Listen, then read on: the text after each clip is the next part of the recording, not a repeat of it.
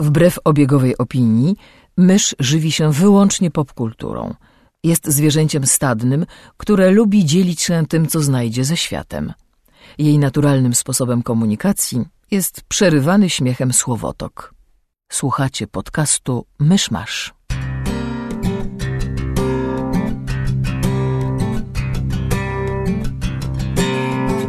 Gospodarzami podcastu Myszmasz są Krzysiek Seran, redaktor portalu Avalon. Kamil Borek ze studia Kobart. I Mysz, autorka bloga Mysza Mówi. Drodzy słuchacze, jest poniedziałek, 13 października 2014 roku. Tego dnia w 1582 roku również nie było, z powodów wzmiankowanych tydzień temu. A poza tym to są urodziny Saszy Barona Coena. Zapraszam do 78 odcinka podcastu Myszmasz. Przejdźmy od razu do rzeczy, bo nas czas goli. Tak, tylko musimy powiedzieć, że nagrywamy to z domu, więc jeśli dźwięk jest inny, to dlatego, że nie jesteśmy w studiu. E, ale, ale tak, to również dlatego, że my też jesteśmy inni, bo ludzie się zmieniają. That was deep. Wow. Nie, nie, można wejść dwa razy do tej samej rzeki, nie można nagrać dwa razy tego samego odcinka. Rozwaliłeś mi czachę. E, to ja chciałbym zacząć od ogłoszeń parafialnych, tak jak ja to lubię bo nie chodzę do kościoła i nie wiem, jak to powinno wyglądać. A na rynku polskim ukazała się powieść Wzorzec zbrodni i jest to polskie wydanie The Gun Machine Warrena Ellisa, o której już mówiłem w podcaście w odcinku 56, jeśli dobrze pamiętam. Także jeśli ktoś jest ciekaw e, mojej opinii, to zapraszam, żeby odwiedził archiwum. A książkę wydało bodajże SQN. Ja z kolei w dwóch słowach chciałam wspomnieć, ponieważ dzisiaj e, w dniu nagrania wyszedł wreszcie troszkę dłuższy oficjalny trailer do serialu The Librarians, który jest oparty, nie wiem czy, czy słuchacze kojarzą, jest taka seria niskobudżetowych filmów właśnie The Librarian z lekarzem z ostrego dyżuru. Tak, z lekarzem z ostrego dyżuru, tak. No Wild gra główną rolę i to jest, e, ja to nazywam Poor Man's Indiana Jones. To jest po prostu Indiana Jones dla ubogich. Tam nie próbują, nie próbują jakichś super e, efektów specjalnych. Znaczy próbują robić efekty specjalne, ale one są fatalnej jakości. Ale to jest seria, która nie, nie, nie traktuje się poważnie i, i, i jakby oglądanie tych filmów to jest strasznie duża frajda. Trudno jest nie żywić do bohaterów sympatii i teraz zostanie nakręcony um, serial i zapowiada się, zapowiada się fantastycznie. Takie um, połączenie Buffy z Fringe'em. Tylko, że na kwasie. Okej. Okay. Trochę jak mumia po prostu. Nie do końca, właśnie bliżej jest raczej Buffy do tego stopnia, że, że jedna z moich znajomych jak zobaczyła trailer, to się zapytała, gdzie jest Giles, więc e, jeżeli ktoś lubi właśnie tego typu um, luźne klimaty, takie około paranormalne i magiczne i związane z, z archeologią i z antykami, to e, polecam, bo, bo wygląda fajnie. Tylko jeszcze nie wiem, kiedy będzie premiera, ale na razie jest trailer, można obejrzeć. O. I może trzymając się już seriali, przejdźmy od razu do pilotów. Aha, to ja. Ty oglądałaś piloty w tym E, tak, oglądałam rzeczywiście piloty, ale tak naprawdę mogę e, z czystym sercem polecić e, tylko dwa, ponieważ w tym roku mam, mam w ogóle wrażenie, że jakiś ten se sezon na piloty słabo wypadł. E, jeden serial to jest produkcja stacji Syfy, czyli sci-fi. E, serial nazywa się Z Nation i nie da się go opisać inaczej niż The Walking Dead, gdyby próbowało być parodią. E, to znaczy, Z Nation jest takim serialem o zombie, jak Sharknado jest filmem o rekinach. Okay. To jest.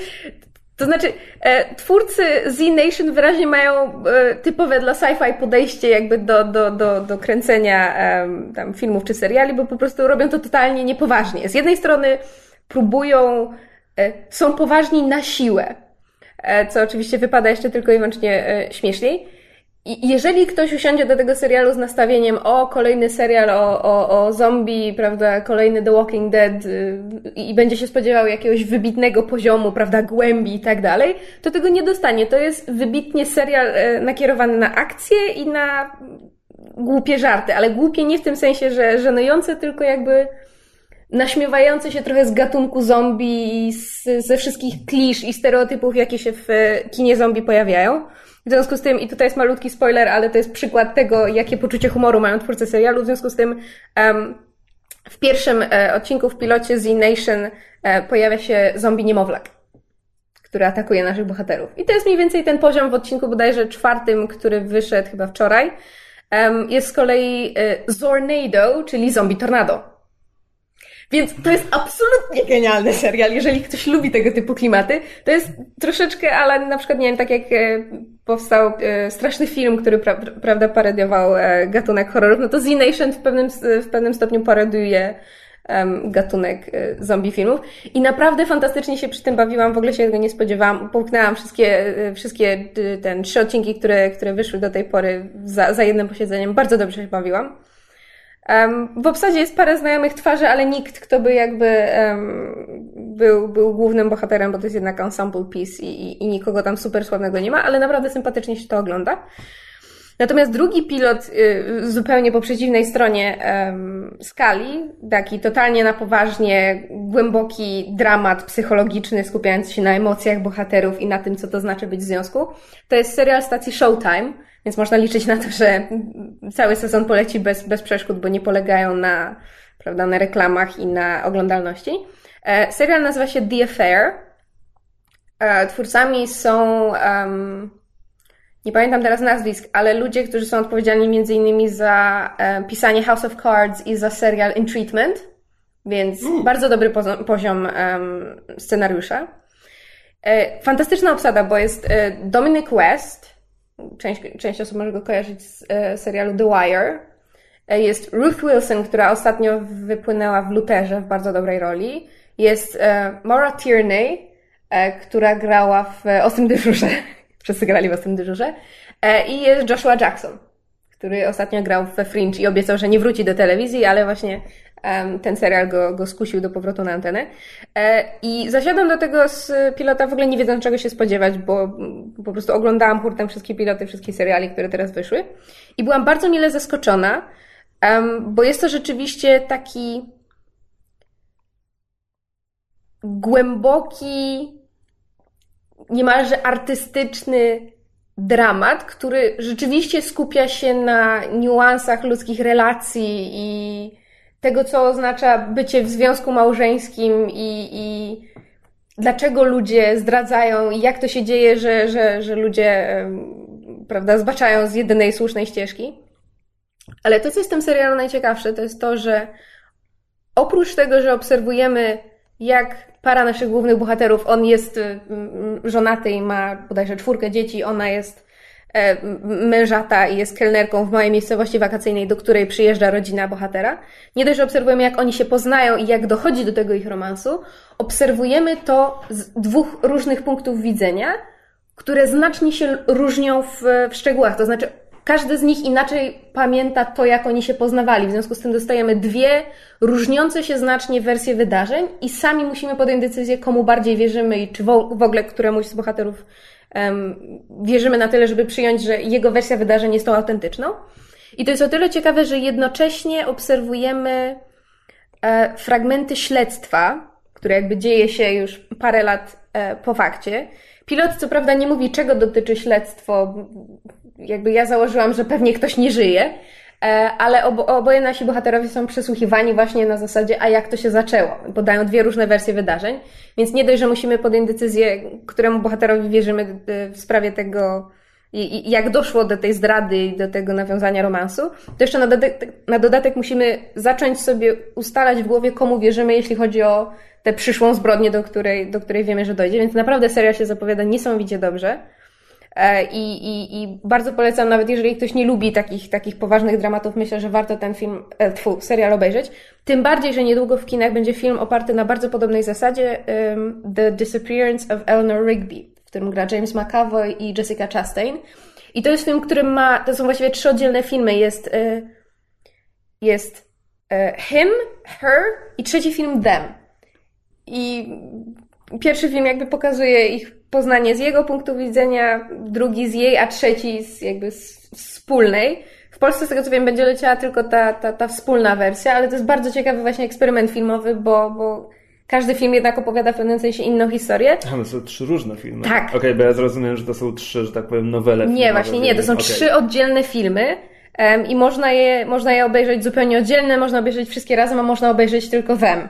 Znaczy, jak można obejrzeć wszystkie razem, jeśli w Polsce będzie tylko jeden No wyświetlany? bo wyjdą, wyjdą na DVD A. w pewnym momencie. To jakby jest kwestia, już mówię, przyszłościowa. E, Ale właśnie bardzo mi się podoba ta, ta koncepcja pokazywania e, historii z dwóch e, różniących się punktów widzenia, więc naprawdę to The Affair bardzo, bardzo polecam. Widziałeś Rashomona? Nie, ale widzę do czego pijesz. Skoro jesteśmy przy pilotach, zaczął lecieć serial Gwiezdne Wojny Rebelianci. Star Wars Rebels, a animacja komputerowa, Słyszałam dobre rzeczy. robiona przez tych samych ludzi, którzy robili komputerowo animowane gwie, te Wojny Klonów.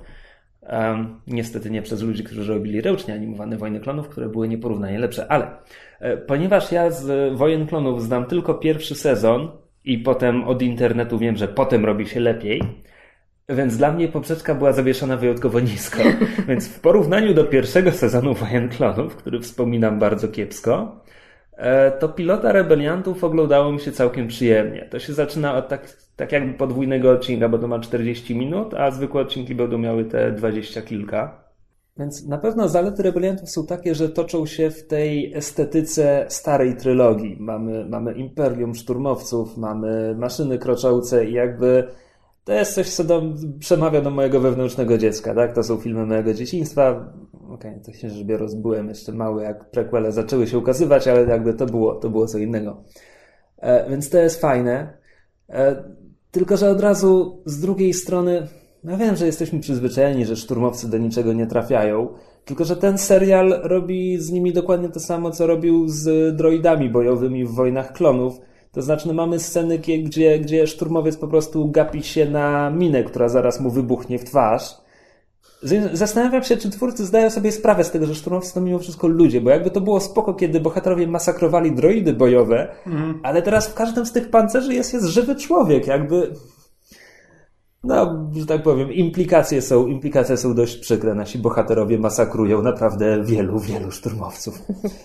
A jest już, już tam wyrasta przeciwnik naszych bohaterów, to jest jedyny semi-kompetentny imperialny w całym imperium, w sensie potrafi rozpoznać, kiedy wpada w pułapkę i kazać się wycofać żołnierzom.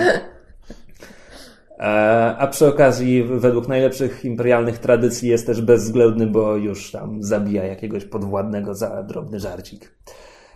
E, To, co mi się podoba, to jest to, że wbrew tytułowi główni bohaterowie nie są rebeliantami. To znaczy, to jest, to jest grupka ludzi mieszkających na pokładzie jednego statku i żaden z nich nie kocha imperium i tam na drobne sposoby próbują im wcis- wciskać jakieś ciernie, ale, ale nie są żadną zorganizowaną grupą oporu, tylko po prostu są na statku, próbują jakoś przeżyć i nie They lubią aim to żołdu. misbehave. Dokładnie tak, jakby odkąd, odkąd to tylko było zapowiadane, ja miałem skojarzenia z Fireflyem. Pierwsza rzecz, o której pomyślałam. U, Więc, Firefly. więc pilot. Tutaj, czy, je, wiesz, nie znam serialu, nie oglądałem, ale wcale bym się nie zdziwił, gdyby pod koniec jednak ten pierwszego sezonu już byli rebeliantami Znaczy, rebeliantami. słuchaj, nie wiem, nie wiem jak do tego doszło, ale drugi odcinek wypłynął już do internetu, chociaż technicznie rzecz biorąc nie miał, nie miał jeszcze premiery i ja go obejrzałem. I tam już pojawia się Bail Organa, który wyraża nimi swoje zainteresowanie, więc ja myślę, że oni nawet szybciej zostaną rebeliantami, ale na razie, na razie, że tak powiem, relacje, relacje w grupie są całkiem fajne. E, I tak jak mówiłem, że to się rozgrywa w estetyce klasycznej trylogii, to też bardzo dużo czerpali na przykład z rysunków koncepcyjnych e, Ralpha McQuarriego, do tego stopnia, gdzie tam etatowy kosmita w drużynie nazywa się Zep, jest dubbingowany przez Steve'a Bluma, który wielokrotnie dubbingował na przykład Wolverina w kreskówkach Marvela. E, on wygląda tak jak e, pierwsze rysunki koncepcyjne Czubaki, znaczy takie wyłupiaste oczy, dziwna broda, fioletowa skóra, jest łysy, nie, nie, nie, nie włochaty, zu- zupełnie jak nie łuki. E, ale tak, no jest czerpiał jakby z tych, z tych archiwów Lucasfilmu. I ogólnie, że tak powiem, pilot pozostawił mnie z dobrymi wrażeniami. Drugi odcinek jest tak strasznie dziecinny. Także, no nie wiem, no liczę, liczę, że potem będzie więcej odcinków jak pilot, a mniej jak ten drugi odcinek, ale, ale jeszcze kilka takich jak ten drugi odcinek i ja szybko zrezygnuję z tego serialu. Ale zobaczymy. No, że to skoro jesteśmy przy pilotach, to może coś, co już wszyscy widzieliśmy, czyli Flash. Znaczy, ja zacznę od e, tego, że to jest dokładnie ten odcinek, który wyciekł parę miesięcy temu, Tak. więc ja już się wypowiadałem na temat pilota Flasha, nie pamiętam kiedy, ale jeśli kogoś interesuje moje zdanie, to jest do znalezienia w archiwum. Ja z kolei usiadłam do niego dzisiaj jakoś, nie wiem dlaczego, wyjątkowo niechętnie, chyba dlatego, że nadal mam w głowie to, jak bardzo mi się nie spodobał Arrow i ja od miesięcy słyszę wasze, że tak powiem, e, komentarze na temat Arrowa, że, że wystarczy go, prawda, traktować niepoważnie, bo on też się niepoważnie traktuje i że wtedy jest e, zabawny. Ale mnie chyba po prostu strasznie przeszkadza e, główny bohater w Arole, bo po prostu nawet tutaj, jak w tym odcinku Flasha się gościnnie na moment pojawił, to, to po prostu nie mogłam na niego patrzeć. On po prostu jest taki strasznie poważny i smętny. Za bardzo mi się kojarzy z biednym, e, osieroconym Batmanem i jakoś nie Znaczy, mogę na niego patrzeć. Ciekawe, on- bo w, ty, w tym fragmencie, w tym Flashu akurat jest wyjątkowo Nie no, wyjątkowo zauważyłam, radosny. a i wyjątkowo tak nie byłam w stanie tak. go, go tolerować. Znaczy, Stephen Amell jest, jest drewniany. Ja mam do niego duży szacunek za to, że on strasznie dużo tych kaskaderskich rzeczy sam robi. Mm. E, Jak ty go nazwałeś? Stephen Amell? Ja, Tak, Steven, Am- nie Amel. powiedzieć, że nazwałeś go jakoś Amelie. Nieważne. E, natomiast on jest strasznie drewniany, a Arrow, zwłaszcza w pierwszym sezonie, próbował być takim telewizyjnym klonem Batman Begins. Mm.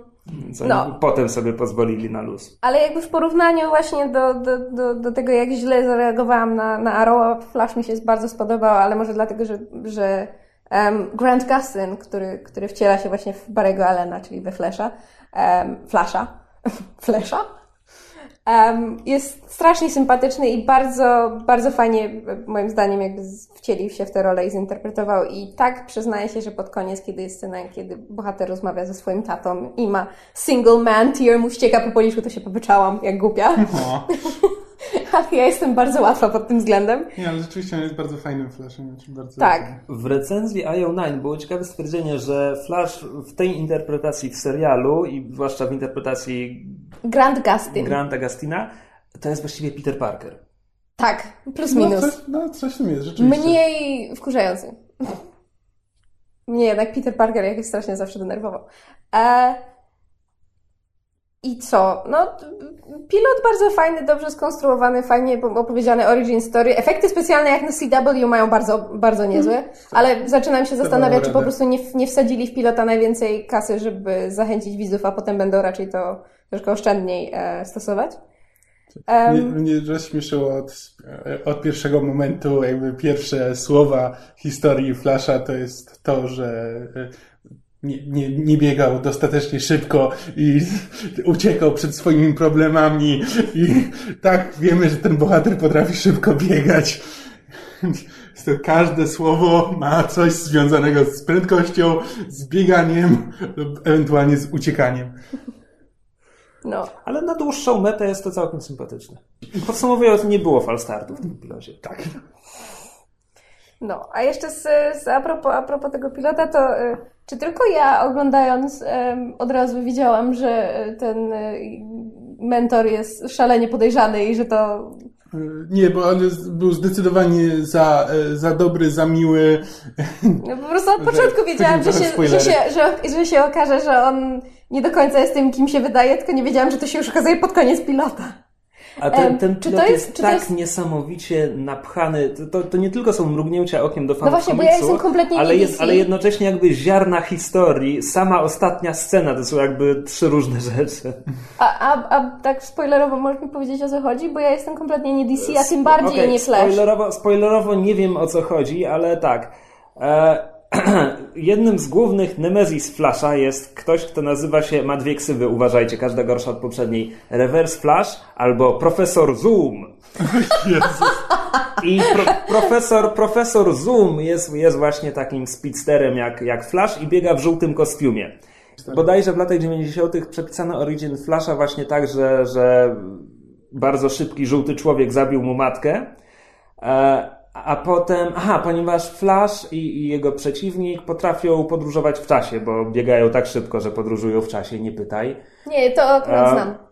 E, I tam to nawet w pilocie widzimy, że oprócz żółtej wstełgi jest też czerwona wstełga, bo to już jest historia sprzed trzech lat, kiedy właśnie Barry Allen cofnął się w czasie i próbował powstrzymać profesora Zuma, żeby mu nie zabił matki. Ale mu się tam... nie udało, ale, ale przeniósł mu- swojego młodszego siebie, żeby mu się krzywda nie stała. E, Czy jakoś tak? Bo teraz mówisz o serialu, ja Tak. mówię o komiksie. E, W komiksie ta nieudana próba, znaczy udało mu się, ale to doprowadziło do czegoś złego, w sensie alternatywny świat był potem jeszcze gorszy i po tym jak to z kolei cofnęli, to to jest powód, dla którego teraz mamy nowy świat DC. W sensie powód ostatniego rebootu jest taki, że Flash próbował uratować matkę. Więc to jest jedno. Natomiast ostatnia scena tego pilota i Gazeta z przyszłości z 2024 mówi o czerwonym niebie i kryzysie. I to jest z kolei wyznacznik, e, znaczy słowo kryzys to po prostu DC uwielbia i mieli już chyba ze trzy kryzysy. A pierwszy to był Crisis on Infinite Earths i to był ich pierwszy reboot. Kiedy, kiedy jakby skasowali wieloświat, stwierdzili, że teraz będzie tylko jedna ziemia i pozmieniali historię bo- swoim bohaterom. I wtedy właśnie oryginalny Flash zginął, ratując świat. Hmm. A tam jeszcze widziałam na tej gazecie było napisane, że ten Wayne i, i ten. Jak się nazywało? Fu- Fuzja Wayne i, i Queen. tak, tak, tak. tego tak. z Arrowa. Tak. A, bo to jest coś, co kojarzę chyba z gier, e, no gdy bijatyk DC. Tam się pojawia coś, co oni nazywają Speed Force. Że ten, I tam było coś o wchodzeniu do Speed Force'a, czy czerpaniu ze Speed Force'a, czy, czy No tak, to jest, to, e, no to jest źródło mocy Flasha i, i innych tak zwanych speed, speedsterów w DC. Ale czy to, to na czymś polega? Jakoś to działa? A, słuchaj, ja nie czytałem komiksów Flasha, więc o Speed Force wiem tyle co z kreskówek, gdzie w miarę, znaczy w kreskówkach to się rzadko pojawiało. E, I z opracowań w internecie. A z opracowań w internecie wynika, że Speed Force działa tak, jak scenarzysta akurat powie, że działa. Aha. Więc Speed Force czasami potrafi tworzyć jakieś osłony, czasami to jest. Ja nie wiem. Aha, nie wiem. To, to, jest, to jest bełkot, ogólnie rzecz biorąc. Jasne. Znaczy, na razie ten pilot Fla- F- Flasha wygląda bardzo fajnie, tylko z- zastanawiam się, czy, czy twórcy jednak pójdą trochę mniej oczywistą drogą, to znaczy każda misja Barego nie będzie polegała na tym, że bardzo szybko biega and that's it. Bo na przykład pamiętam, że kiedyś na Tumblrze przewinęły mi się właśnie analizy Nie, nie, zap- E. zapominasz jeszcze o odcinku, w którym zacznie Vote Pitch w siebie i straci swoją moc i nie będzie mógł bardzo szybko biegać i będzie musiał rozwiązać problem inaczej. Na przykład uciekając się do naukowych metod. A potem znowu zacznie bardzo szybko No, biegać. taki odcinek też może być. Nie, bo po prostu pamiętam, Myślę, że to będzie ze trzy razy. Myślę, że po prostu już kręcą Spidermana. że e, pamiętam, że widziałam. Czyli, czekaj, przepraszam, czyli Arrow Siódmy jest- raz mi przerywają. Arrow to będzie Batman dla ubogich, a Flash będzie Spider-Manem dla ubogich i teraz DC w telewizji po prostu będzie... Będzie miał Wonder Girl i też będzie, i z kolei będzie Superman ja dla nawet, ubogich. ja nawet, nie, to będzie Supergirl, nie Wonder Girl. A, E, Wonder Woman, pomyliłam się. Wonder Girl to inna postać. E, nie, ja nie, nawet nie piłem do Spidermana, tylko jakby to jest, to jest tak bardzo oczywiste, że superbohater prędzej czy później musi po, pokazać, że jest bohaterem również bez mocy, więc... Nie, ale bardziej mi chodziło o to, że widziałam w internecie kadry z y, komiksu, które jakby analizowały, dlaczego em, Flash jest bardzo jakby silnym i, i, i, i istotnym bohaterem. Znaczy w sensie jego moc nie polega tylko na tym, że jest super szybki i super szybko biega, tylko jakby właśnie było omówione kwestia tego, że jest tak szybki, że może się cofnąć w czasie, to już jakby trochę przesada. Jak, i, i, znaczy, uważam to za ostrą przesadę nawet w, w ramach świata DC, ale było wytłumaczone, że on któregoś razu, jak się zawalał budynek, to nie dość, że uratował wszystkich z tego zawalonego budynku, to potem e, był tak szybki, że w ciągu tam, nie wiem, paru minut nauczył się architektury i budownictwa z y, publicznej biblioteki i wybudował ten dom na nowo. I zastanawiam się, czy twórcy mają zamiar w ten sposób wykorzystać No jego moc w serialu. No. Problem, problem ze speedsterami jest taki, że technicznie rzecz biorąc powinni być w stanie zakończyć prawie każdą walkę zanim się zacznie. Mhm. To znaczy powinni być w stanie zabrać pistolety wszystkim złoczyńcom, zakuć złoczyńcę i no tak naprawdę No mniej więcej jak, jak ten, no, y, Quicksilver w X-Menach. No właśnie. Tak, tak jak pokonał tych strażników. Tak, no, na dokładnie tak. Więc teraz albo będą kombinować, albo od razu dadzą mu jakieś limity. Zobaczymy. No to już widać było w popilocie, że on nie za bardzo kontroluje nad tą mocą, więc... y, Znaczy, tak, na razie mają na będzie- jakieś 10 odcinków wymówkę pod tytułem He's new at this. Tak, będzie pewnie za każdym razem, że tak, chciał być bardzo szybki, ale zamiast wytrącić pistolet, to się wbił w zakładnika. Bo myślał o swojej biednej, martwej mamie. Tak. Buchu. Sierotki. No jeszcze, jeszcze powiem tyle, że um, już wiem, że moim ulubionym odcinkiem tego sezonu będzie ten, gdzie w końcu Flash będzie musiał walczyć z superinteligentnym gorylem. I, I, jeśli teraz twórcy, pokazawszy mi klatkę podpisaną grot, nie pokażą mi superinteligentnego goryla, będę na nich bardzo zły. A właśnie się zastanawiałam, co to jest, bo jestem, znowu mówię. Goryl Grot. Jeden z największych i najgroźniejszych przeciwników Flasha. Goryl Grot. Makes Ma, perfect sense. ma, całe, ma całe miasto inteligentnych goryli w Afryce. Kilka razy próbował podbić ziemię. Mnie to wcale nie dziwi, bo w tym, e, w Morpegu e, DC Universe e, tam się cały czas tłucze z A teraz, okej, okay, trivia. Może nie chodzi konkretnie o Groda, ale powszechnie uznaje się, że po Batmanie to Flash ma najciekawszą galerię przeciwników w DC. No jeżeli ma tam inteligentnego goryla, to ja się nie dziwię. Zwłaszcza jest taka grupka, która nazywa się Rogues, w której skład wchodzą chyba właśnie Weather Wizard, którego technicznie pożegnaliśmy, ale to nie był prawdziwy Weather Wizard, zaraz do tego wrócę. Captain Cold, którego będzie grał Wentworth Miller z Prison Breaka. Cool. Boomerang chyba, którego będzie grał um, ten gość ze Spartakusa, Ashur ze Spartakusa. Mhm. Um, kto tam jeszcze jest? Chyba Mirror Master, Trickster, którego w poprzednim serialu o Flashu grał Mark Hamill. A... I kończą mi się pomysły. Nie, na mnie fajne wrażenie zrobił ten serial. Znaczy jest taki, że jest trochę, trochę jak Arrow, na zasadzie nie można, trzeba przymknąć trochę oko, ale też bardziej pogodne i tak. mimo wszystko bardziej komediowy.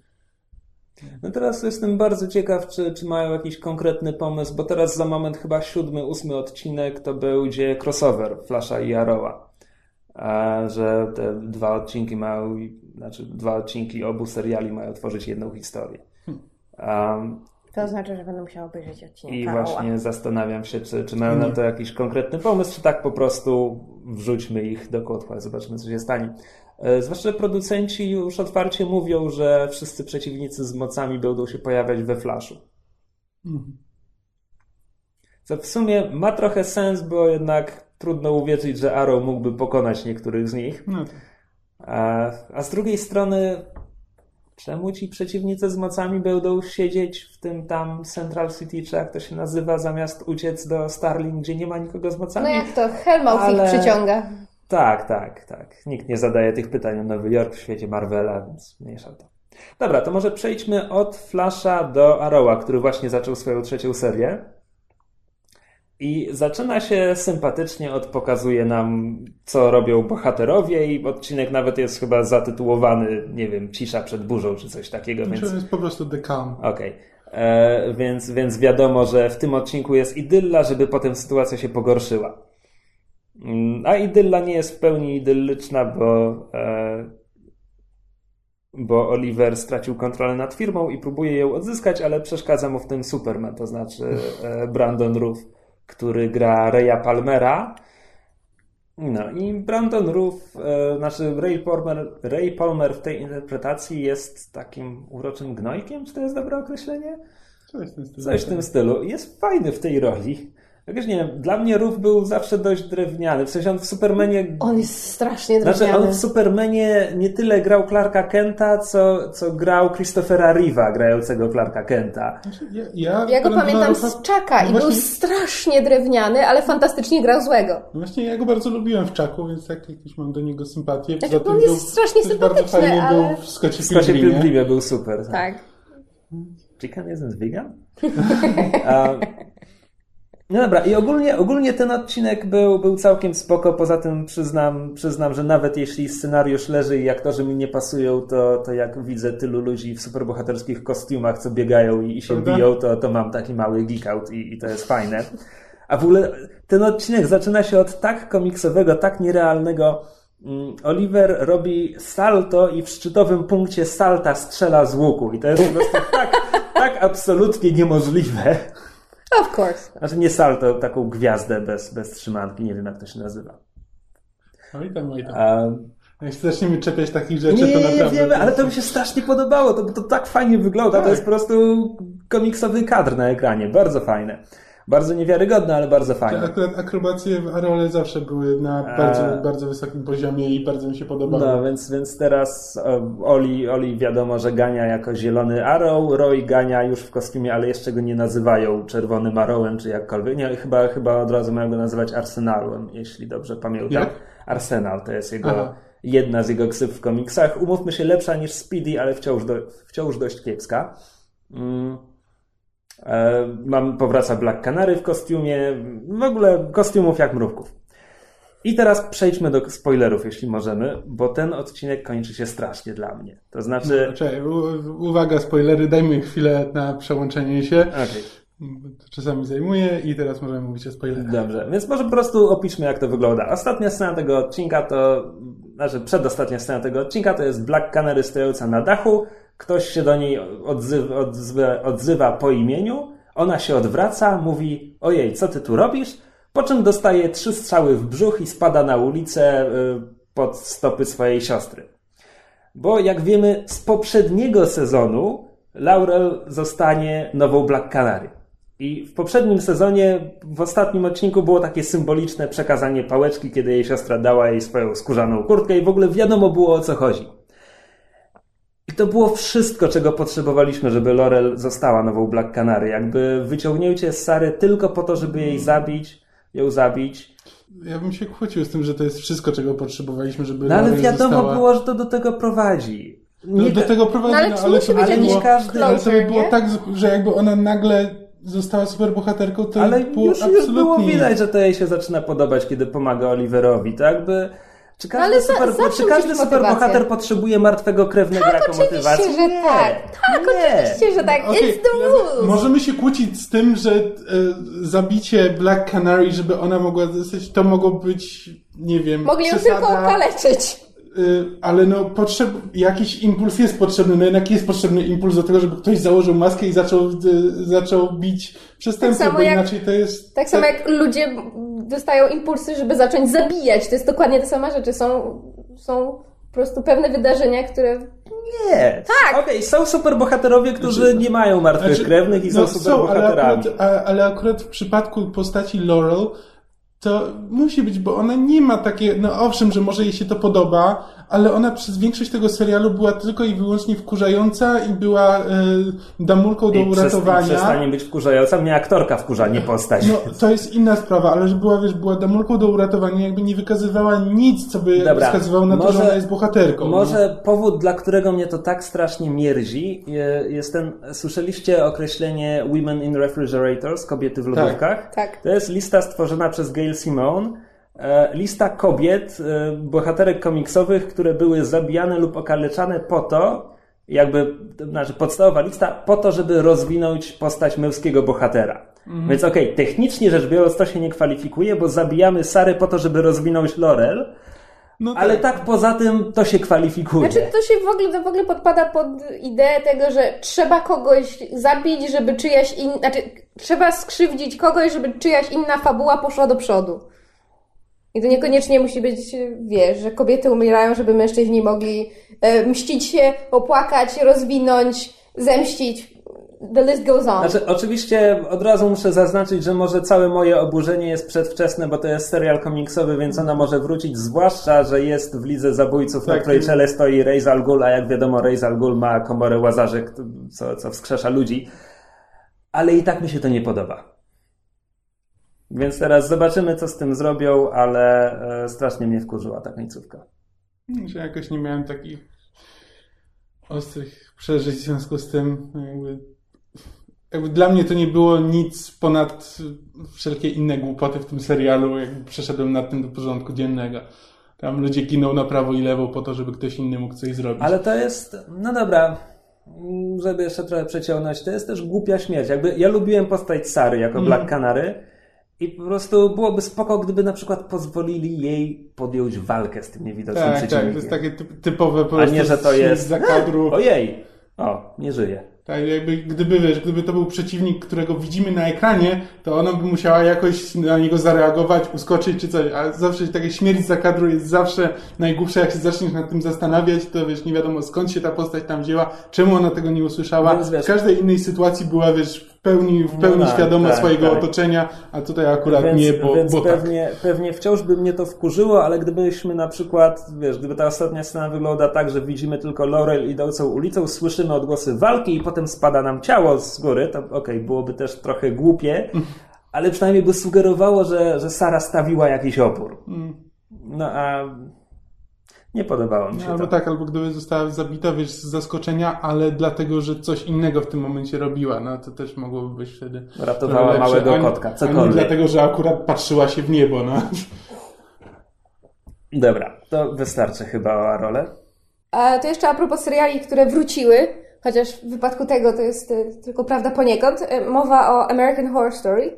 I mówię poniekąd, ponieważ jest to serial antologia, który co sezon opowiada em, inną fabułę z innymi bohaterami w innym miejscu, innym czasie. Ale tymi samymi aktorami? Część aktorów się powtarza, tak. Część aktorów z sezonu na sezon powraca, ale gra zupełnie inne postacie. Znaczy, czasami są, y, mają podobne charaktery, ale jakby grają inne, inne postacie. E, W tym roku Ryan Murphy w American Horror Stories zaserwował nam um, Freak Show, czyli po polsku to się chyba nazywało... Galeria Dziwadeł. Tak. Galeria dziwadeł, czy tam dziwolągów. Czyli ludzi z różnymi niepełnosprawnościami, dysfunkcjami, jakimiś deformacjami ciała i tak dalej, którzy w latach 40. i 50. i nawet wcześniej, jeszcze chyba nawet w latach 20. do, do 50. em, podróżowali w, w takich e, trupach po, po, po Stanach Zjednoczonych głównie i, i za pieniądze pokazywali się e, e, rządnej tłuszczy, że tak powiem. I właśnie w tego Żadnej typu czego? w ogóle rządnej wszystkiego. Egzotyki, no jakiegoś, wiesz, jakiegoś y, bodźca. Em, I właśnie w tego typu scenerii em, rozpoczyna się czwarty sezon American Horror Story. I już z marszu opinie są em, różne. To znaczy, mnie się z, to, to otwarcie bardzo podobało. Z jednej strony dlatego, że widzę w nim o wiele więcej researchu i jakby przemyśleń, które twórcy włożyli niż w porównaniu do poprzedniego sezonu, e, sezonu trzeciego, czyli Coven, który e, był kompletną porażką. Ale są również opinie e, też fanów serialu, którzy oglądają go od początku, że, że jak na razie to jest tak trochę płasko i za spokojnie i że to jest, że jakby Murphy jest wyjątkowo mało oryginalny, no bo jednak on kolejnych sezonach e, bawi się takimi horror tropes, no bo tu mieliśmy nawiedzony dom, tu mieliśmy e, zakład psychiatryczny, tutaj mieliśmy wiedźmy, a teraz mamy dziwolągi. I oczywiście nawiązania do takich e, kultowych filmów jak właśnie Freaks, Toda Browninga, czy jak do serialu Carnival, który dział się w bardzo podobnych, bardzo podobnej scenerii, są jakby na tyle silne, że przez to Google Gobble, one of us. tak? coś takiego. One of us, One one of of us. E, I, w związku z tym ten, ten, ten pilot e, i w ogóle ten sezon e, ma niestety szansę wydawać się powtarzalny i, i, i mało oryginalny. I ja go tak nie odebrałam, mnie się bardzo podobał. Niestety y, y, równie pozytywne reakcje miałam y, po pierwszym odcinku trzeciego sezonu, a potem już wszystko poszło, że tak powiem, z górki i zeszło na manowce, więc e, z Ryanem Murphym to nigdy nie wiadomo, bo bywają odcinki bardzo dobre, które, które potem jakby się gubią w zalewie. e, Z górki na manowce to chyba jakimś skrótem.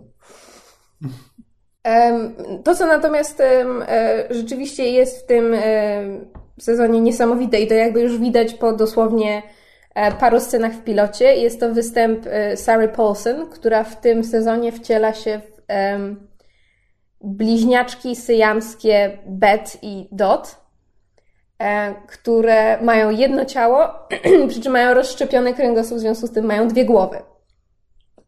I Sarah Paulson wciela się w obie głowy. I jakby sam fakt, to, jak oni to kręcili, jakby kwestie techniczne i proces tego, prawda, że tu ujęcia kamery trzeba ileś razy nagrywać em, kwestie, grając dwie różne postacie, to jest jakby.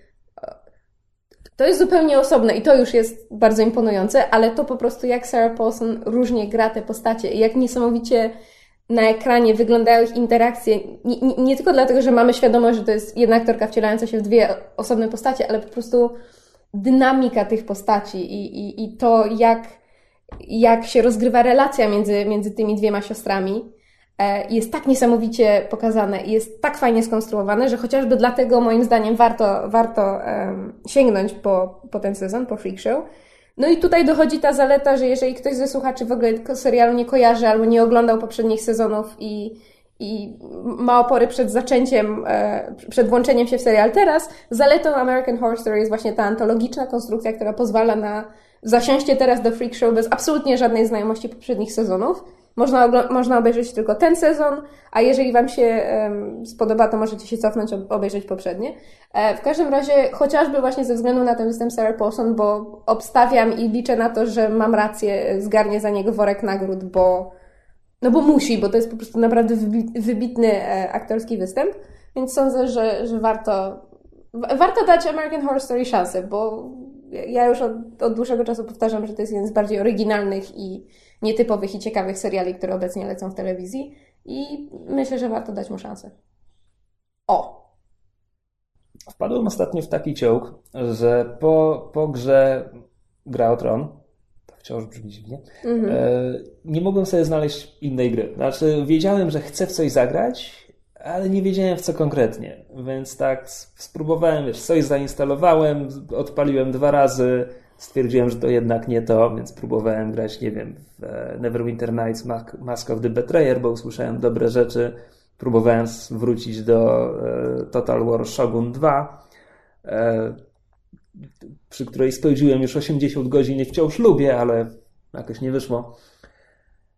I w końcu zainstalowałem jedną z moich ulubionych gier wszechczasów. W sumie naszych bo zacząłem powtarzać pierwszego Deus Exa. tak, tak, jak najbardziej. I my już w podcaście mówiliśmy, znaczy o Deus Exie też już mówiliśmy, ale wydaje mi się, że więcej mówiliśmy o Deus Ex Human Revolution, czyli zrealizowanym niemal 15 lat po premierze oryginału prequelu sprzed dwóch albo trzech lat, już nie pamiętam. O Deus Exie to myślę, że my sobie z Kamilem kiedyś porozmawiamy, jak mysz nie przyjdzie na nagranie i, że tak powiem, bo to może zająć dłuższą chwilę, więc te, teraz chcę powiedzieć tylko, tylko parę, parę krótkich rzeczy.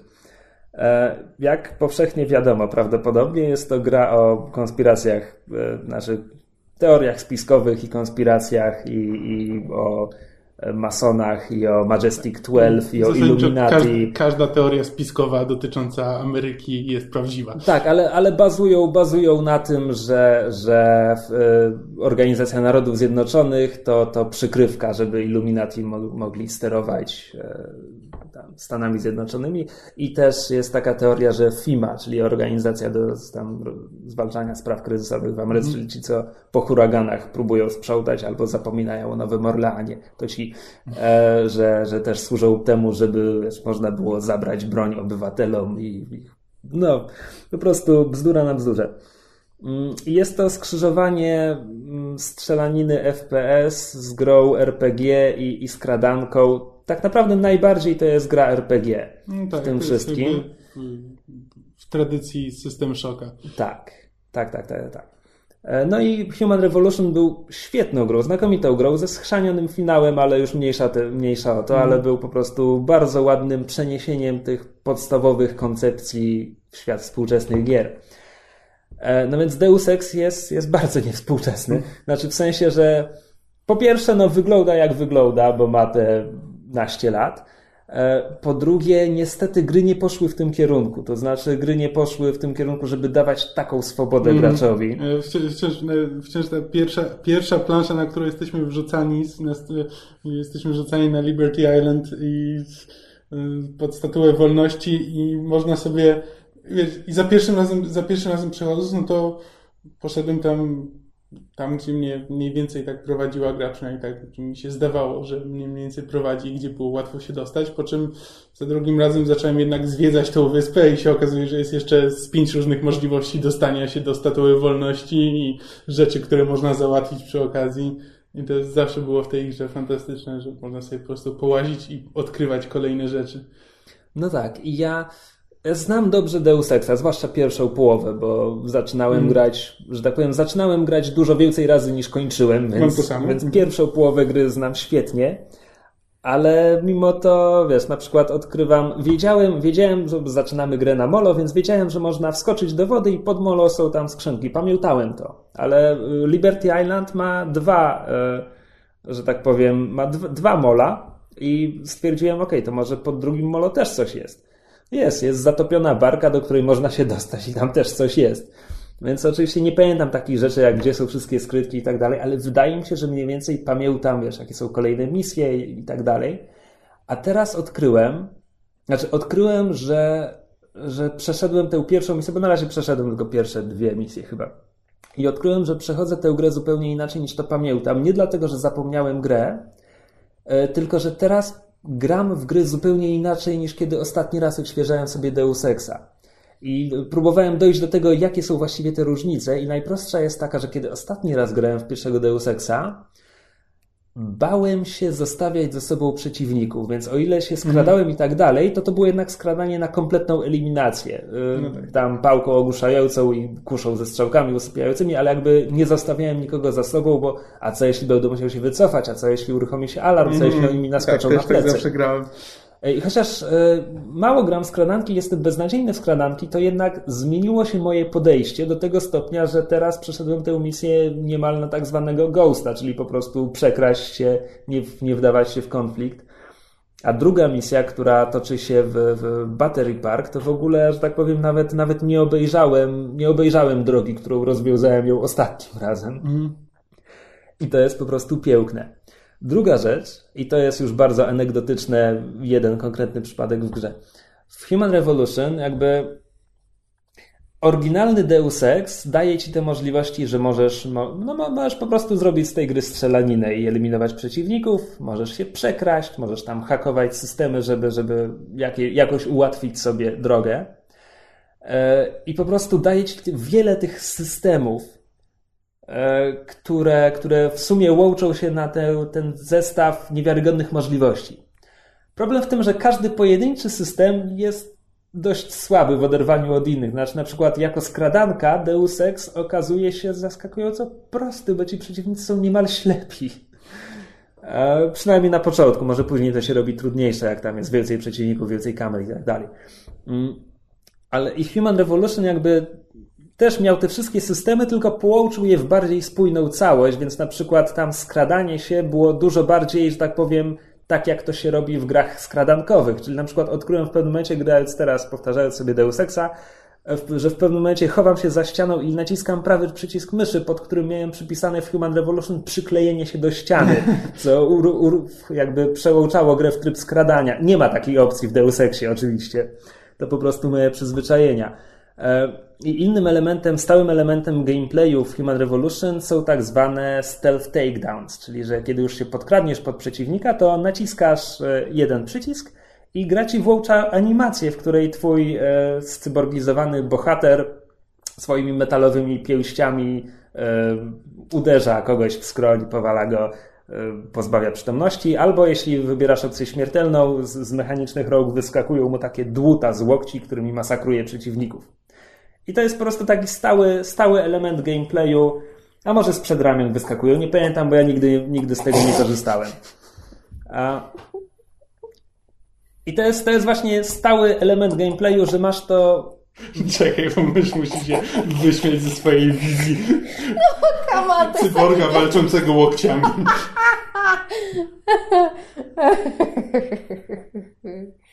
Już. Dobrze. I, to jest stały element gameplayu, że wystarczy naciskasz jeden przycisk i, że tak powiem, gra robi to za ciebie. I teraz przechodząc tę pierwszą misję, byłem już w statule wolności i tam w końcu jest sytuacja, gdzie mam jakieś schodki, dwóch przeciwników i zaraz za nimi schodki, którymi muszę iść dalej. I tutaj wydaje mi się, że po prostu nie ma sposobu, żeby się przekraść. Że to jest ten jeden moment w tej całej planszy, gdzie po prostu musisz mieć konfrontację. A może nie wiem, może, może da się wspiąć z zewnątrz albo ułożyć 100 skrzyń. No, nie pamiętam. dać jakoś odwrócić ich uwagę. Nie pomyślałem o tym. Nie pomyślałem o tym. Zamiast tego zacząłem kombinować. E, Okej, okay, nie kombinować. E, to, że zainstalowałem teraz Deus Exa było trochę wywołane tym, że przeczytałem retrospektywę autorstwa Johna Walkera gdzieś w internecie. E, który chyba opisywał może właśnie tę sytuację, czy po prostu podobną sytuację i ja chciałem się przekonać, czy to jest możliwe, tak jak on to opisał. No więc miałem e, w swoim ekwipunku gaśnicę. I tak, gaśnicą da się e, psiknąć pianką po oczach obu tych przeciwników, gdzie oni na moment są sparaliżowani i potem pałką paraliżującą obu ich załatwić. I to jest tak naprawdę, że tak powiem, bardzo retro wersja tego stealth takedown z Human Revolution, gdzie wszystko musisz zrobić samemu, a jednocześnie miałem z tego taką satysfakcję, jakiej mm. Human Revolution mi nigdy nie dał. A, więc tak, e, nie mam pojęcia na ile starczy mi na pełnu tym razem, bo umówmy się, minęło bardzo wiele lat, odkąd ja ostatni raz gdzieś daleko zaszedłem w Deus Exie, ale tak, żeby sobie przypomnieć, to jest zainstalować, nawet jeśli zagram tylko parę godzin, nawet jeśli przejdę tylko parę misji, a potem gra mi się znowu znudzi, e, to i tak jest bardzo dobry, że tak powiem, bardzo dobra okazja, żeby przypomnieć sobie, że te wszystkie pochwały, jakie zbiera ta gra, to, że jest wspominana po latach, że to naprawdę nie jest puste i to naprawdę nie jest, nie jest kwestia nostalgii, że to jest tak, tak to jest niesamowite. Jedna, to jest jedna z niewielu gier, do których ja mogę wciąż wracać i wciąż mi sprawia taką samą przyjemność jak tych 15 lat temu. Ona naprawdę ma niesamowity gameplay, niesamowite poczucie satysfakcji, ci daje zna znajdywanie tych rozwiązań. A no jest po prostu super. Jest po prostu. PC Gamer ostatnio miał doroczną aktualizację listy 100 najlepszych gier wszechczasów i Deus Ex był tam. Na pewno był w pierwszej dziesiątce. No tak. I na pewno zasłużenie. To ja w tym tygodniu wybrałem się na film mm, The Equalizer po polsku przetłumaczone na bez litości.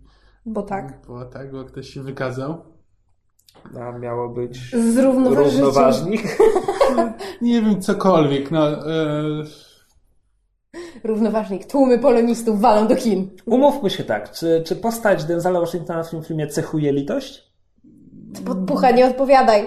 Nie do końca. No to tytuł jest w porządku. Nie do końca bez litości. z pewną dozą litości. Dojdę później do tego, czemu w ogóle ten tytuł e, po polsku tak nie mierzi wyjątkowo. E, film jest o tyle, o tyle że cały czas go oglądając, to tam, tam nie ma szczególnej historii. E, film opowiada o byłym agent, agencie, agencie? agencie, o byłym agencie CIA. Obcej agentury. Tak. O byłym agencie CIA, który no, żyje sobie, mieszka sobie w mieszkanku i po prostu odciął się od swojego dawnego życia i próbuje spokojnie dożyć starości. I pracuje w sklepie z narzędziami. Tak, pracuje w sklepie z narzędziami, gdzie tam nawet szkoli jednego z, z, ze swoich kolegów na, na, do testu na ochroniarza. E, I wieczorami bierze książkę i idzie do, do pobliskiego dinera i tam sobie przy herbacie czyta książkę. I co wieczór spotyka tam młodą prostytutkę, którą gra Chloe Grace Moritz. E, no i tak sobie e, zaczynają rozmawiać o starym człowieku i morzu, którego akurat czyta bohater. No i tam nawiązuje się między nimi taka. A którego zna młoda prostytutka? Nie, właśnie Aha, pyta okay. o to, o czym jest książka i czemu ten stary człowiek tak bardzo próbuje złowić tę rybę. Okay. Myślałam, że dlaczego ten stary człowiek tak bardzo może i na to prostytutka może mieć jedną bardzo konkretną odpowiedź. Ojej. Come on! Wow. Ten dowcip tam był! Mm. It was there! Nie patrz tak na mnie. Mm. I właśnie poruszyli,śmy temat y, kobiet w lodówkach, bo w tym filmie pojawiają się dwie postaci kobiece, które mają jakiekolwiek znaczenie y, i obie są zasadniczo bezbronne i maltretowane przez mężczyzn. I to jest właśnie tym impulsem dla bohatera, żeby jednak przerwał to swoje spokojne życie i zaczął, i on postanawia pomóc tej prostytutce po tym, jak zostaje pobita przez swoich alfonsów e, niemal, niemal na śmierć, znaczy ląduje w szpitalu. Nawiasem mówiąc, czy wiecie skąd Gail Simon wzięła tę nazwę Kobiety w lodówkach? To jest z jakiegoś komiksu Tak, konkretnie. tak. Jeden z Green Lanternów znalazł ciało swojej dziewczyny zapakowane w lodówce. DC Comics. Lovely. Marok.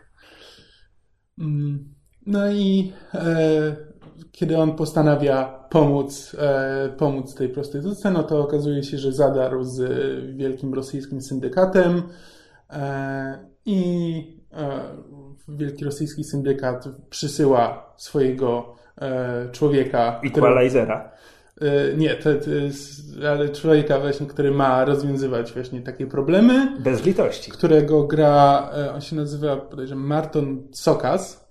E, On grał złego w XXX. E, To jest taki charakterystyczny, charakterystyczny rosyjski aktor. Rosyjski? E, Znaczy, on, e, tfu, nie rosyjski. On jest jakiś Wę- tam węgierski blisko, albo chorwacki? Jezus Maria, blisko wschodni, co ja mówię? Wow! Poraża się. Powiedzieć wschodnioeuropejski. E, e, e,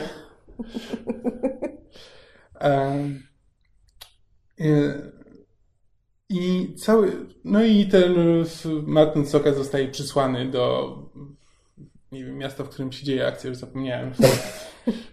Nie wiem, czy to jest Nowy Jork, czy coś jeszcze innego. America City. Tak, dokładnie. E, żeby znaleźć tę osobę, tudzież osoby odpowiedzialne za zadarcie z e, syndykatem, no i zaczyna go, zaczyna szukać Denzela Washingtona. I na tym polega cały film, że Denzel Washington odpiera kolejne ataki kolejnych henchmenów nas, nasyłanych na niego e, i próbuje, e, próbuje jakoś zażegnać tę sytuację. Znaczy- Ostatni raz, kiedy widziałem ten film, to było shoot'em up z Clive'em Owenem. No mniej więcej, bo mówię, ten film nie ma historii. To jest jakby cała historia. To, że on postanawia pomagać, wpada w tarapaty i z, musi, się, musi się dalej uporać e, z, z konsekwencjami tego. E, I ja cały czas oglądałem, że film jest fajny, jakby bardzo dobrze mi się go oglądało, ale głównie dlatego, że jedzie na, e, na bohaterach, na, na aktorach, bo zarówno Denzel Washington w tej roli jest, e, jest świetny, jak i Martin Cokas też jest, e, też jest bardzo dobrym złym. I jakby na sile tych dwóch bohaterów ten film, ten film jakoś uciąga swój brak fabuły. Uciąga. Cicho. E, I ja cały czas to oglądając miałem wrażenie, że oglądam jakiś origin story bez originu. Bo jakby główny bohater pojawia się znikąd, nagle postanawia pomóc komuś i t- A to potem jest... znika. Tak, i to jest taki trochę vigilanti. Bohater pojawia się znikąd, dąży donikąd i głównie pomaga ludziom. I tak Wiesz co, to jest schemat westernowy. Trochę tak, bo ja, znaczy, jak skończyłem oglądać film, to moja pierwsza myśl była taka, że okej, to jest no, nie najlepszy film, ale to byłby doskonały pilot e, jakiegoś serialu. Może tak, oglądam ten, reżyseria, napisy końcowe, reżyseria, ktoś tam, ktoś tam, scenariusz, ktoś tam, ktoś tam, w oparciu o serial telewizyjny e, stworzony przez kogoś tam i kogoś tam. Bo to jest, z, nie wiedziałem tego idąc do kina, e, to jest oparte o serial z lat tam, nie wiem, 80., 90., czy coś takiego, może nawet 70., Renegata. gdzie właśnie, e, nie, to się chyba nazywał po prostu The Equalizer, e, gdzie właśnie fabułą było to, że były agent CIA zamieszcza ogłoszenie w gazecie, że masz problem, pomogę ci go rozwiązać. I zgłaszają się do niego ludzie i on im pomaga. I to jest jakby cała fabuła serialu, co jakby wiesz, w serialu na 40 minut to jest sam raz. Na film, który ma ponad dwie godziny, to jest troszkę jednak mimo wszystko słaba podstawa, ale akcja jest na tyle, na tyle fajna i tak jak powiedziałem, postaci na tyle, na tyle interesujące, że, y, że można się na tym filmie bardzo dobrze bawić, jeśli ktoś się nie spodziewa y, nie wiadomo czego. A propos filmów trwających ponad dwie godziny, ponieważ zbliża się premiera Zaginionej Dziewczyny, więc postanowiłem nadrobić jeden z moich braków w filmografii Finchera. Ja mam parę takich braków. Nie widziałem Benjamina Batona, nie widziałem gry. Okej, okay, to są chyba te dwa filmy, których nie widziałem, a których chyba z różnych powodów warto obejrzeć. Ja zapomniałam, że Benjamin Button był I aż, aż do tego tygodnia nie widziałem dziewczyny z tatuażem. I od razu muszę się przyznać, że ja przeczytałem 30 stron e, pierwszego tomu trylogii Millennium i nie widziałem szwedzkiej wersji, więc wchodziłem w to jakby bez, bez kontekstu. Wiedziałem, że jest jakiś dziennikarz i jakaś Lisbeth Salander. A no i dziewczyna z tatuażem Finchera jest e, fajnie zagrana przez aktorów, których lubię i, i Rooney Mary, której dotąd nie znałem inaczej niż jako siostrę Kate Mary z House of Cards. E, jest fajnie nakręcony, jest fajna muzyka i ogólnie, że tak powiem... Jest fajnie. nie, no właśnie technicznie jest w porządku. Na pewno nie nazwę go fajnym filmem, bo to się nieprzyjemnie ogląda. A Natomiast nie rozumiem, czemu to trwa 2 godziny 30 parę minut. Nie jestem przekonany do konstrukcji, w której bohaterowie spotykają się niemal, niemal równo w połowie film, filmu dopiero. To jest pierwsza wspólna scena Daniela Krega i Rooney Mary. E, znaczy, zakładam, że to jest po prostu toczka w toczkę konstrukcja książki. Co może pasuje do książki. I okej, okay, rozumiem, że w filmie też bohaterowie nie muszą się spotykać. O, o tym za moment. A, ale w tym filmie nie ma aż tyle treści, żeby uzasadnić ten, ten czas trwania. Może można by mówić o budowaniu klimatu czy czegoś, ale nie wiem. Nie przekonuje mnie również to udawanie, no bo to jest amerykańska wersja szwedzkiej powieści rozgrywająca się w Szwecji, z, technicznie rzecz biorąc szwedzkimi bohaterami granymi przez amerykańskich i angielskich aktorów grających po angielsku. Niektórzy grają z ciężkim akcentem, bo na przykład są Szwedami. Znaczy nie, nie, nie, nie Stellan Skarsgård, który bardzo dobrze mówi po angielsku, ale tam w rolach drugo-trzecioplanowych słychać nagle jakieś twarde akcenty. Runimara gra z jakimś dziwnym akcentem. Znaczy, to nie jest nowojorskie. Ja nie wiem, co ona próbuje robić, ale ona dziwnie mówi przez cały film. E, i, ale to tworzenie iluzji jest takie strasznie dziwne, gdzie na przykład masz, e, masz Ponieważ Blomqvist jest dziennikarzem, więc większość jego działalności w filmie to jest przeglądanie starych archiwów, starych zdjęć i innych takich. Więc jak coś jest ważne dla fabuły, no to on oczywiście przegląda artykuł, który jest po angielsku. Ale potem jako rekwizyt pojawia się szwedzka gazeta po szwedzku. No i robi się z tego taki dziwny miszmasz, gdzie zazwyczaj taka konwencja mi nie przeszkadza, no bo gdyby zaczęła mi przeszkadzać, to musiałbym zapytać, czemu kosmici w Gwiezdnych Wojnach mówią po angielsku, tak? No, absurd. Konwencja. E, a jednocześnie w tym konkretnym filmie jakoś mnie to drażniło na mhm. dłuższą metę. A no, już mówiłem, że film ogląda się nieprzyjemnie. Jest tam straszna scena gwałtu, która coś mówi o postaci Lisbeth, prawdopodobnie, ale że tak powiem, no jest tak paskudna, że przez resztę filmu nie ma niczego, co by mi wynagrodziło to, że musiałem to oglądać. Ja, ja wiem, że to nie chodzi o to, że ja mam wymagać od reżysera, żeby film był przyjemny i gładko wchodził, ale um, lubię Finchera. Uważam, że jest świetnym reżyserem i jeśli potrzebowałem dowodów, to udowodnił mi to The Social Network filmem o Facebooku. Jakby jak tylko słyszałem, pomyślałem, że o co chodzi, kto, kto w tym widzi film a uważam The Social Network za rewelacyjny film. I na tej podstawie po dziewczynie z tatuażem spodziewałem się dużo więcej niż dostałem. I chyba nie jestem jedyny, biorąc pod uwagę, że miały być trzy filmy i chyba nie będzie. No więc coś tam, coś tam nie wyszło. A wspomniałem mimochodem o filmach, w których bohaterowie się nie spotykają, bo powtórzyłem sobie również piąty element. Piąty element jest e, klasykiem europejskiego kina science fiction. Tylko, że jeśli ktoś tego nie widział i zachęcony moimi słowami postanowi odkryć ten film, no to trzeba od razu nadmienić, że jest to klasyk przez e, swoją warstwę wizualną, bo fabularnie może tak. E, Bruce Willis gra głównego bohatera, kosmicznego komandosa, który odszedł z wojska i jest teraz taksówkarzem. Jest to rys charakterologiczny, nieobcy, e, że tak powiem, emploi e, takich aktorów jak Steven Seagal, Arnold Schwarzenegger i Sylvester Stallone. To są postaci, które grają ci wybitni aktorzy i na poziomie fabularnym piąty element jest właśnie takim komando, tylko że science fiction. Znaczy tam nic nie ma sensu. E, ale ogląda się to świetnie. Znaczy, scenariusz ratuje parę dobrych scen, parę udanych dialogów, natomiast jako ciąg przyczynowo-skutkowy, no głównym złym jest wielka kula pierwotnego ognia zła. Głównym, głównym, że tak powiem, działającym złym jest Gary Oldman grający e, Jeana Baptista Emanuel Zorga, e, który nie ma ani jednej wspólnej sceny z Bruce'em Willisem przez cały film. Znaczy oni się kiedyś mijają mają jedną wspólną scenę, ale nie są w jednym momencie na ekranie. E, I to jest bardzo ładny chwyt, na przykład w scenariuszu, który niczym nie imponuje, to, to mi się zawsze podobało.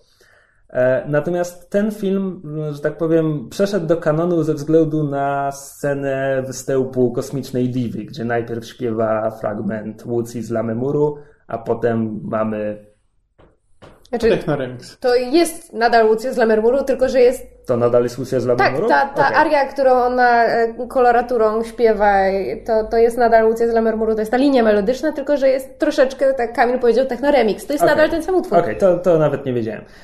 A, i jakby, i to no jest, może ostatnie parę tak, taktów to jest, jest To jest fantastyczna scena, to jest fantastyczna muzyka, jest świetny montaż, w ogóle piękny teledysk, e, tylko że to jest bardzo nie fair wobec tego filmu, żeby ograniczać go tylko do tego, bo tam w całym filmie są jeszcze przynajmniej dwie równie dobre sekwencje. W ogóle muzyka jest rewelacyjna w całym filmie. To jest Eric Serra i to jest świetne. Ja sobie tego znaczy, słucham co jakiś czas. Ten film może nie jest super, ale ja go tak strasznie lubię. W nim jest tyle fajnych znaczy, elementów. On jest, on jest okrutnie durny, ale jest zrealizowany niesamowicie. Tak, jest zabawny e, i rozrywkowy. Jak dla, mnie, jak dla mnie równie udanymi sekwencjami jest e, pierwsza scena z Corbenem Dallasem, bohatera, bru, bohaterem Bruce'a Willisa, kiedy on się po prostu budzi w swoim małym robotniczym mieszkanku XXIII wieku i kamera po kolei pokazuje elementy jego życia. E, to jest piękne. Jest fantastyczna sekwencja e, startu wahadłowca kosmicznego, kiedy tam muzyka pobrzmiewa, taka, taka jest trochę. A, już wiem. Trochę jakieś tak. kosmiczne reggae przez moment nawet. E, bardzo fajne rzeczy. Jest bardzo fajnie zagrany przez aktorów, którzy widać, że się po prostu dobrze bawią na planie. Mamy Bruce'a Willisa, mamy Ayana Holma, mamy Chrisa Tuckera w roli irytującego czarnoskórego pomocnika, tylko że dla odmiany on, znaczy ta rola jest napisana jako irytujący czarnoskóry pomocnik, więc to nie irytuje paradoksalnie tak bardzo jak wiele innych filmów z podobną rolą. Ian Holm jeszcze się tam prze, przemyka. Właśnie to wymieniłem przed chwilą. Tak? E, no i oczywiście... Ian Holm. A, o. Przepraszam. Mea culpa. Mea culpa. E, I oczywiście jest Mila Jowowicz, której Luc Besson potem próbował zorganizować karierę poważnej aktorki, co trochę nie wyszło. I przez to, a także przez Resident Evil, e, ja ją zapamiętałem jako właśnie kompletne beztalencie, a ona w piątym elemencie jest świetna. Mm. Znaczy, okej, okay, rola wymaga od niej głównie e, no, łzawych oczu i, albo naprzemiennie łzawych oczu i zachwycania się prozaicznymi rzeczami oraz mówienia w wymyślonym języku. Ale wszystkie te trzy elementy wychodzą jej fantastycznie. Mm. Ja, Natomiast... ja na przykład ją ostatnio widziałam w Fatalnych Trzech Muszkieterach, bo tam gra Milady de Winter, ale też jest bardzo fajna w tej roli i bardzo fajnie się nią bawi, więc jakoś też nie wiem, dlaczego tak Ona wszyscy tak, założyli, taka, że jest beztalenciem. Co, e, zdaje się, że e, Joanna Dark kompletnie nie wyszła. A tak, a ja lubię ten film. On nie jest dobry, ja, ale ja, ja go oglądam z przyjemnością. Ja go nie widziałem. No a potem, a potem Mila Jowowicz utknęła w Resident Evilach i nie wiem, Ultraviolet? Czy... Okej, okay, Ultraviolet tego, tego było fatalnym rzeczach. filmem. Widziałam go niestety. Tego typu rzeczach. Natomiast e, No jeszcze trzeba powiedzieć o warstwie wizualnej piątego elementu, która jest super. Znaczy, ja pamiętam, że Bessonowi pomagali jacyś europejscy rysownicy komiksów, tylko nie pamiętam którzy, ale to jest właśnie w takiej, to jest właśnie takie science fiction, gdzie te kostiumy kompletnie nie mają sensu. Ale są piękne. E, I są też zrealizowane w taki sposób, że twórcy nawet nie udają, że, że aktorzy po prostu ganiają w gumowych czepkach, czy, czy że na przykład ta błyszcząca się ściana to jest po prostu aluminiowa folia złota. E, co zresztą widać w oczywisty sposób, kiedy bohaterka się przez nią przebija i to jest po prostu, to jest po prostu papier dykta i, i folia. Ale mniejsza z tym, no, efekt jest, efekt jest ten oszałamiający. Niektóre efekty specjalne trochę się zestarzały, bo tam jest parę takich bardzo komputerowych sekwencji, e, ale, ale kostiumy, charakteryzacja, czy po prostu kosmici. Ten film ma świetnych kosmitów. Mm. Także bzdura kompletna, scenariusz na poziomie komanda, ale kanon science fiction, jak dla mnie. No, nie, absolut, warto, absolutnie warto kultowy znać. film. Durny, niesamowicie durny. Nie można o tym zapominać. Jakby jeśli ktoś się spodziewa czegokolwiek innego, srogo, srogo się rozczaruje. Także to trzeba podkreślać raz po raz. Ale tak a propos durnych Ale filmów. A propos durnych filmów, to jeszcze trzy słowa, bo obejrzałam e, 22 Jump Street czyli sequel e, 21 Jump Street. W sensie e, serialu? Czy... Nie, filmu. Aha. Filmu z e, Channingiem Tatumem i Johna Hillem. I 21 Jump Street było głupawe, ale zaskakująco sympatyczne i jakby sprawdzało się, jakie takie, wiesz, komediowe kino akcji, ukośnik buddy movie. A 22 Jump Street jest po prostu jedno z najlepszych komedii ostatnich lat, jakie widziałam. E, dlatego, że to jest film, który robi robi z samego siebie i ze swojego poprzedniego filmu i jakby takie jaja. To jest film, który z jednej strony robi jaja z tego, że jest filmem i jest złym filmem, a jednocześnie robi jaja sobie z bohaterów, z fabuły, z kanonu takich właśnie filmów e, policyjnych pod tytułem We're Going Undercover i jest to zrobione tak fajnie i z takim jajem i z takim zrozumieniem gatunku, że ja autentycznie byłam w ciężkim szoku, jaki to jest dobry film. Czy, czy tutaj bohaterowie wciąż udają uczniów liceum? Nie, koledżu. I, z tego, I na podstawie tego jest budowana cała seria genialnych genialnych dowcipów, bo są, są filmy, które same z siebie y, się nabijają i to nikogo nie śmieszy, a mnie, mimo że jakby pierwsza, pierwsza część 21 Jump Street fajny film, ale bez jakiegoś wielkiego zachwytu. Um, a druga część jest naprawdę strasznie mądrze zrobiona jak na tak głupią komedię. I dlatego myślę, że, że, że warto, warto, warto ją obejrzeć. To jest autentycznie momentami jest autentycznie zabawna i autentycznie fajna i, i rzeczywiście te, te, te mrugnięcia do widza są, są naprawdę, naprawdę fajnie przemyślane. Więc myślę, że, że warto. Mimo wszystko. O. Ale skoro jesteśmy przy głupich rzeczach i retro science fiction, Dzisiaj jest dzień Segway. Tak. Dzięki uprzejmości e, CDP.pl dostaliśmy e, e, egzemplarz audio komiksu stworzonego przez studio Sound Tropez, że od jakiegoś czasu właśnie tworzą taką dziwną formę audiobooków, adaptują komiksy na, na słuchowiska. Mhm. I dostaliśmy, dostaliśmy egzemplarz kultowego komiksu z lat 80. E, Funky Kowal bez oddechu. Bez oddechu się nazywa album. Ja chciałbym dwa, dwa zastrzeżenia wtrącić. Po pierwsze, mnie strasznie zmyliła ta, e, ta nazwa audiokomiks.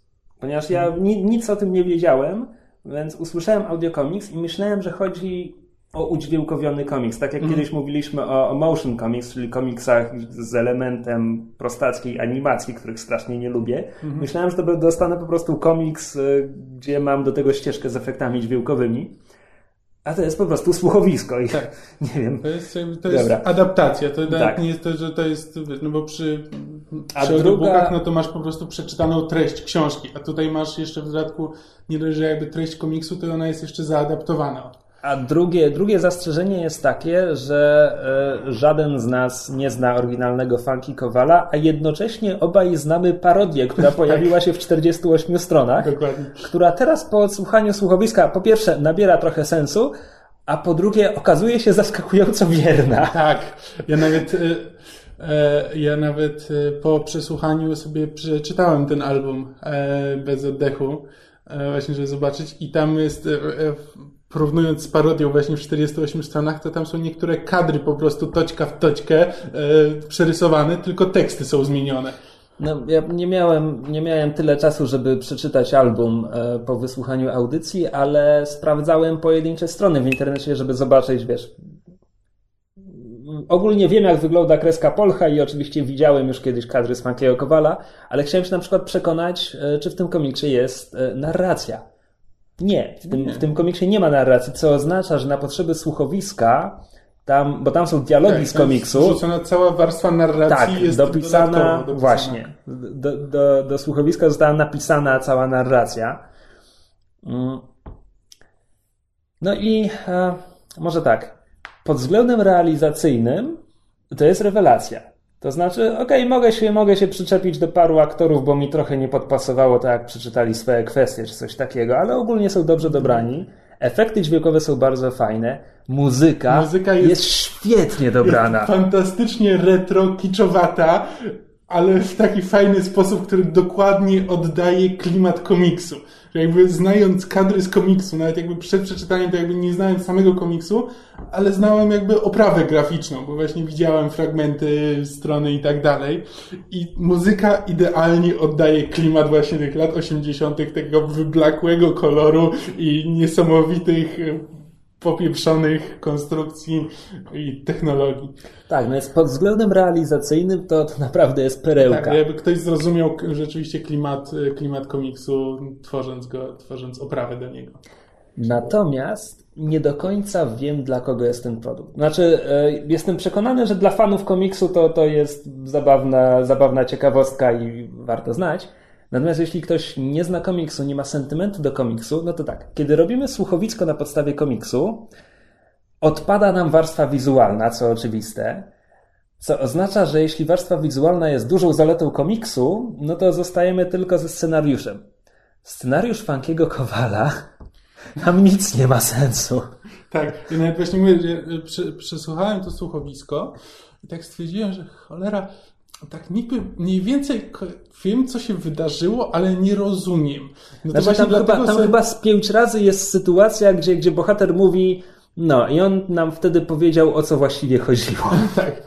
E, więc dlatego właśnie też zajrzałem do komiksu, stwierdziłem, że okej, okay, obejrzę komiks, może, może nie uważałem, bo czasami tym słuchając robię różne rzeczy, różne rzeczy odwracają moją uwagę, może jak przeczytam komiks, to mi się coś... Nie, nie, to, jakby, e, to nie jest kwestia tego, że słuchowisko źle oddaje fabułę, czy e, robi to w sposób niezrozumiały. Po prostu fabuła Fangiego Kowala jest postmodernistyczna i jest kompletnie pozbawiona sensu. To są wydarzenia wydarzenia po prostu następujące po sobie, które nie łączą się w jakieś, jakąś spójną całość. E, co i tak jakby właśnie biorąc pod uwagę słuchowisko, jest, e, e, jestem pod wrażeniem, że udało im się to połączyć w jakąś jedną spójną historię, bo, bo komiks, no to, to była w oryginale praktycznie rzecz biorąc antologia. To były odcinki pojawiające się w fantastyce i w nowej fantastyce które potem zostały wydane w formie albumu, więc e, jakby one z zasady nie mają jakiejś spójnej, e, nie jest jakaś spójna całość. No tak, więc przejrzałem sobie e, katalog Soundtropes i widzę, że na przykład mają takie podobne słuchowiska na podstawie Torgala i Walking Dead. I Wiedźmina. I, tak? No to nawet przegapiłem. I no to tak sobie myślę, że Walking Dead, ok, jest komiksem o zombie, ale przede wszystkim chodzi o ten dramat i relacje między, bohateru, między bohaterami i jakby to jest materiał, który spokojnie jako słuchowisko może przekazać cały ten ładunek emocjonalny. Więc myślę sobie, że nawet jeśli ktoś nie czyta komiksu, nie ogląda serialu, nie grał w grę Walking Dead. Zwłaszcza, że takie ściganie przez zombie tylko w momencie, kiedy masz e, bodźce audio bez wizualnych też może bardzo fajnie potęgować jeszcze to napięcie. No właśnie, więc ktoś no. nie znając jakby żadnej z poprzednich wersji ze słuchowiska, że tak powiem, dużo wyciągnie i słuchowisko może przekazać ten ładunek emocjonalny i tak dalej. Podobnie w wypadku Torgala, chociaż tam umówmy się, że kreska, kreska dużo robi w Torgalu. E, natomiast w wypadku Funkiego Kowala, znaczy, jeśli ktoś ma ochotę na 80 minut absurdu, retro absurdu, to tak. jasne. Jeśli ktoś zna oryginał, to je, wydaje mi się, że to jest fajne uzupełnienie. Natomiast jeśli ktoś miałby w to wejść kompletnie bez niczego, Znaczy, to jest interesujące, to jest tak, znaczy, no mówię, no ja po prostu jakby znałem oprawę, więc przynajmniej, znaczy, warto może zobaczyć sobie e, kadry z komiksów, wpisać sobie Funky Kowal w Google'a i obejrzeć sobie to, żeby zobaczyć o jakim my klimacie mówimy i jakie to jest science fiction. E, bo tak to sobie słuchałem i na zasadzie nie wiem, co się dzieje, ale mi się podoba. A to jest po prostu historia, w której ktoś próbuje zmienić znaki Zodiaku na gorsze jest po prostu tak mi, tak mi rozwala łeb technik, potrafię zrozumieć, właśnie dlatego, Właśnie dlatego ja wspominałem parodię z 48 stron i nie mogłem uwierzyć, że to, co tam było, to było w oryginale.